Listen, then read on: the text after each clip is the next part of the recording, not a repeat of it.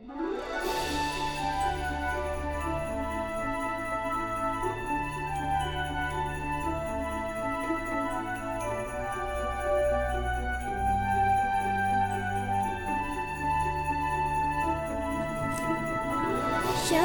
Sobat Muda Kekasih Tuhan. Saya Dian yang kali ini menjadi host di podcast Aku Mau Mengasihi Tuhan Tentu saja Sobat Muda semua sudah sering ya mengikuti setiap episode dari podcast ini Podcast yang dibuat oleh Wonogiri Student Revival ini akan selalu mengajak Sobat Muda untuk belajar mengasihi Tuhan Podcast ini akan rilis setiap hari Jumat jam 3 sore jadi, setialah mengikuti setiap episodenya ya. Jangan sampai ada yang terlewatkan. Supaya sobat muda semua bisa belajar dengan lengkap dan bisa mengalaminya dalam hidup sobat muda semua. Selama bulan Desember ini kan kita belajar dengan tema yang berkaitan dengan momen Natal. Di episode akhir tahun ini, tentu saja ada tema yang sangat menarik. Tema apa ya yang akan kita bahas? Jangan ke mana-mana, stay tune terus di sini ya.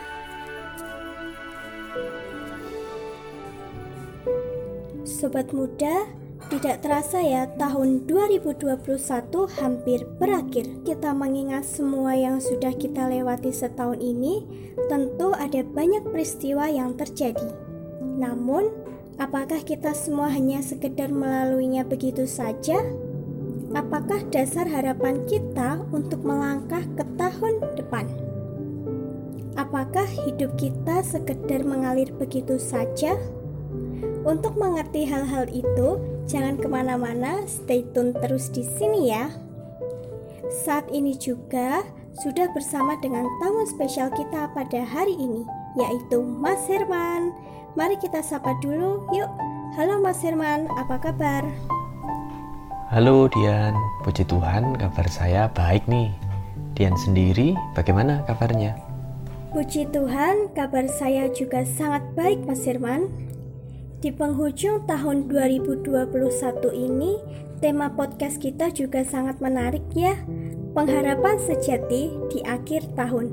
Boleh dijelaskan maknanya apa sih, Mas Firman?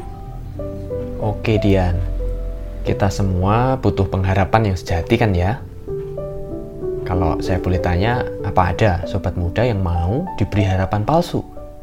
Nah, pasti tidak ada kan ya? Apalagi di pergantian tahun begini, kita perlu memiliki dasar pengharapan yang kuat untuk melangkah setahun ke depan. Yang sekarang menjadi pertanyaan bagi kita, apa yang menjadi pengharapan sejati untuk kita semua? Ya, saya mengajak sobat muda melihat dalam Alkitab di Yeremia 29 ayat 11 sampai 13. Yeremia 29 ayat 11 sampai 13. Sebab aku ini mengetahui rancangan-rancangan apa yang ada padaku mengenai kamu. Demikianlah firman Tuhan, yaitu rancangan damai sejahtera dan bukan rancangan kecelakaan, untuk memberikan kepadamu hari depan yang penuh harapan. Dan apabila kamu berseru dan datang untuk berdoa kepadaku, maka aku akan mendengarkan kamu. Apabila kamu mencari aku, kamu akan menemukan aku. Apabila kamu menanyakan aku dengan segenap hati. Sobat muda, Bagian firman Allah ini merupakan pernyataan Allah bagi umatnya Yehuda yang mereka ada di dalam penghukuman pembuangan di Babel. Dan nubuat ini disampaikan melalui Nabi Yeremia. Yang isinya tadi sebuah janji bahwa Allah ini hendak mengembalikan mereka ke negeri asalnya setelah genap 70 tahun di pembuangan. Dan akhirnya hal itu pun nyata digenapi persis seperti yang sudah dijanjikan oleh Allah. Jadi Allah memiliki rancangan atas hidup kita anak-anaknya. Walau nampaknya sekian waktu yang dialami adalah sebuah rangkaian keadaan negatif. Ya seperti halnya bangsa Yehuda tadi harus mengalami konsekuensi dibuang ke Babel. selama 70 tahun. Itu waktu yang sangat panjang. Tetapi Allah tetaplah merancangkan sebuah hari depan yang penuh harapan bagi umatnya Yehuda tadi.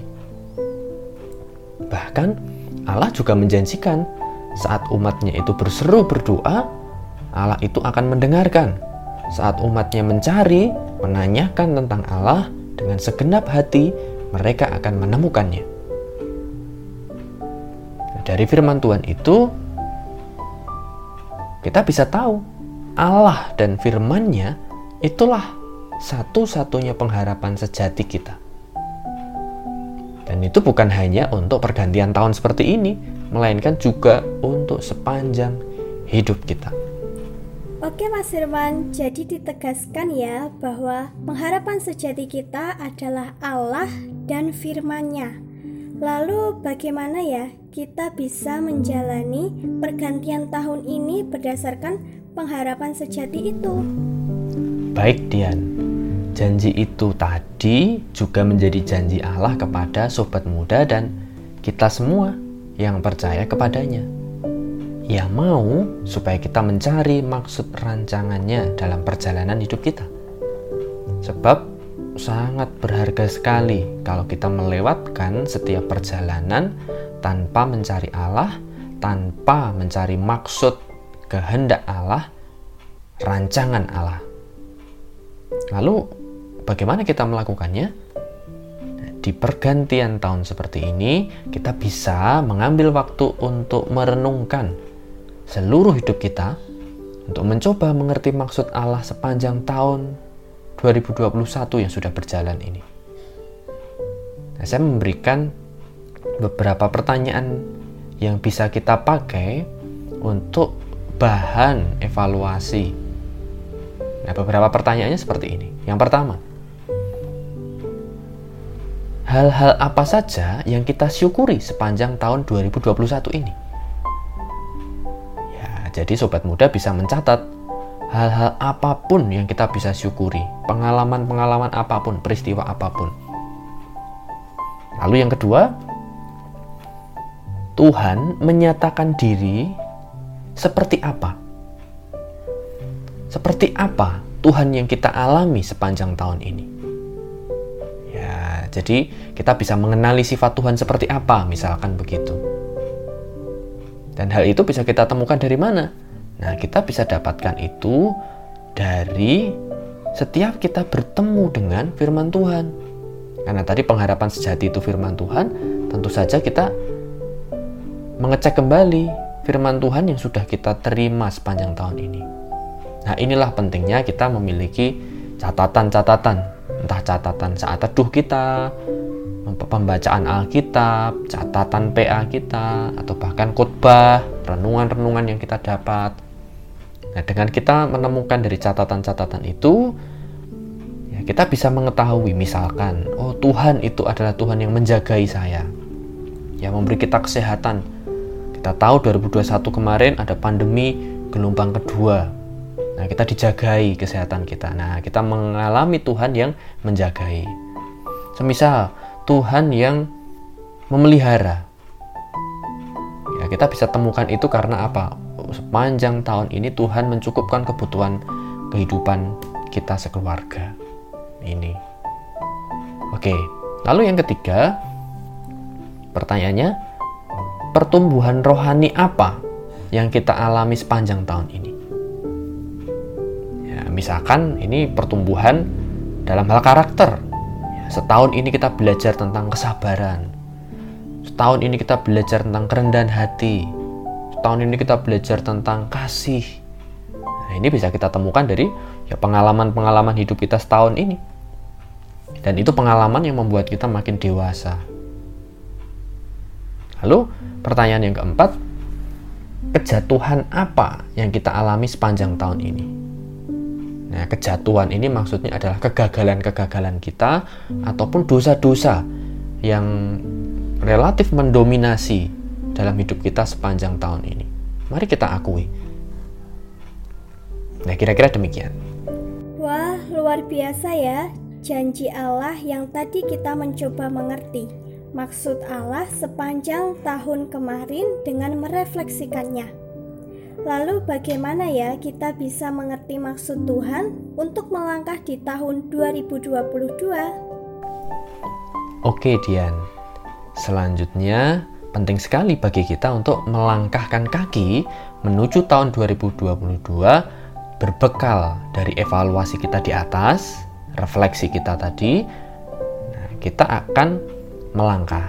Lalu ada beberapa pertanyaan penting yang sobat muda bisa buat untuk menyusun rencana apa untuk tahun 2022. Sebagai contoh, beberapa pertanyaan yang bisa menolong seperti ini. Satu, agenda atau rencana apa yang hendak kita jalani atau hendak kita capai sepanjang tahun depan? Misalkan kalau teman-teman ini masih siswa, tahun depan akan naik kelas, akan lulus, akan masuk kuliah misalkan. Teman-teman yang mahasiswa mungkin akan menghadapi tanggung jawab-tanggung jawab tertentu, ada KKN mungkin, magang, skripsi, tugas akhir, dan lain-lain. Nah, catatlah rencana-rencana itu. Doakan kepada Tuhan. Yang kedua, kita ingin mengenal Tuhan yang seperti apa sepanjang tahun ke depan. Ini mirip pertanyaan evaluasi tadi. Jadi kita bisa menetapkan sifat tertentu dari Tuhan yang kita hendak pelajari setahun ke depan. Ya, kita ingin mengenal kasih Tuhan. Kita ingin mengenal kesabaran Tuhan. Kita ingin mengenal kedaulatan Tuhan. Nah, semisal begitu. Lalu yang ketiga, berkat pertumbuhan rohani apa yang ingin kita capai sepanjang tahun ke depan? Nah, ini seperti halnya juga pertanyaan evaluasi tadi. Apa yang kita bisa rencanakan? Pertumbuhan karakter dalam bidang apa yang kita mau alami sepanjang setahun ke depan? Kesabarankah, kerendahan hatikah, kelemah lembutankah, kasih, dan lain sebagainya. Dan yang terakhir, kemenangan atau kebangkitan dari kejatuhan apa yang ingin kita alami sepanjang tahun ke depan. Nah, sobat muda bisa mengacu dari catatan kejatuhan-kejatuhan atau dosa-dosa yang sudah dicatat di setahun lalu tadi. Lalu setahun ke depan apa yang kita ingin perbaiki? Hal-hal apa yang kita perlu bertobat? Nah, sobat muda semua, selamat menyongsong pergantian tahun ini dengan meletakkan hidup kita pada pengharapan sejati, yaitu Allah dan firman-Nya. Baik Mas Firman, luar biasa sekali ya pelajaran pengharapan sejati di akhir tahun ini. Kiranya Tuhan menolong kita semua untuk menutup tahun 2021 dan menyongsong tahun 2022 dengan pengharapan sejati dari Allah dan firman-Nya. Terima kasih Mas Herman untuk apa yang sudah disampaikan. Tuhan Yesus memberkati. Terima kasih kembali Dian. Tuhan memberkati Dian dan juga sobat muda semua. Sampai ketemu lagi.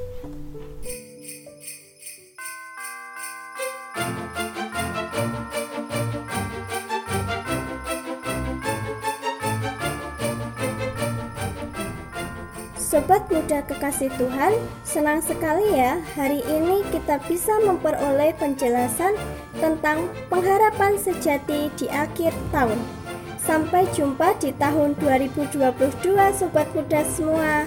Jangan sampai terlewatkan untuk mendengarkan bincang-bincang teman weekend selanjutnya ya.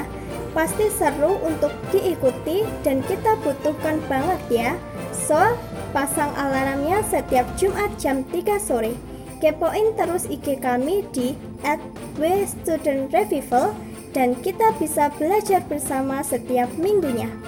Kalau ada sobat muda yang ingin berdiskusi, bertanya, memberi masukan, boleh banget nih sobat muda sampaikan kepada kami.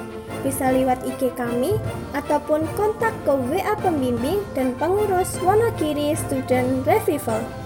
Oke, sekian podcast kita pada hari ini. Tuhan Yesus memberkati.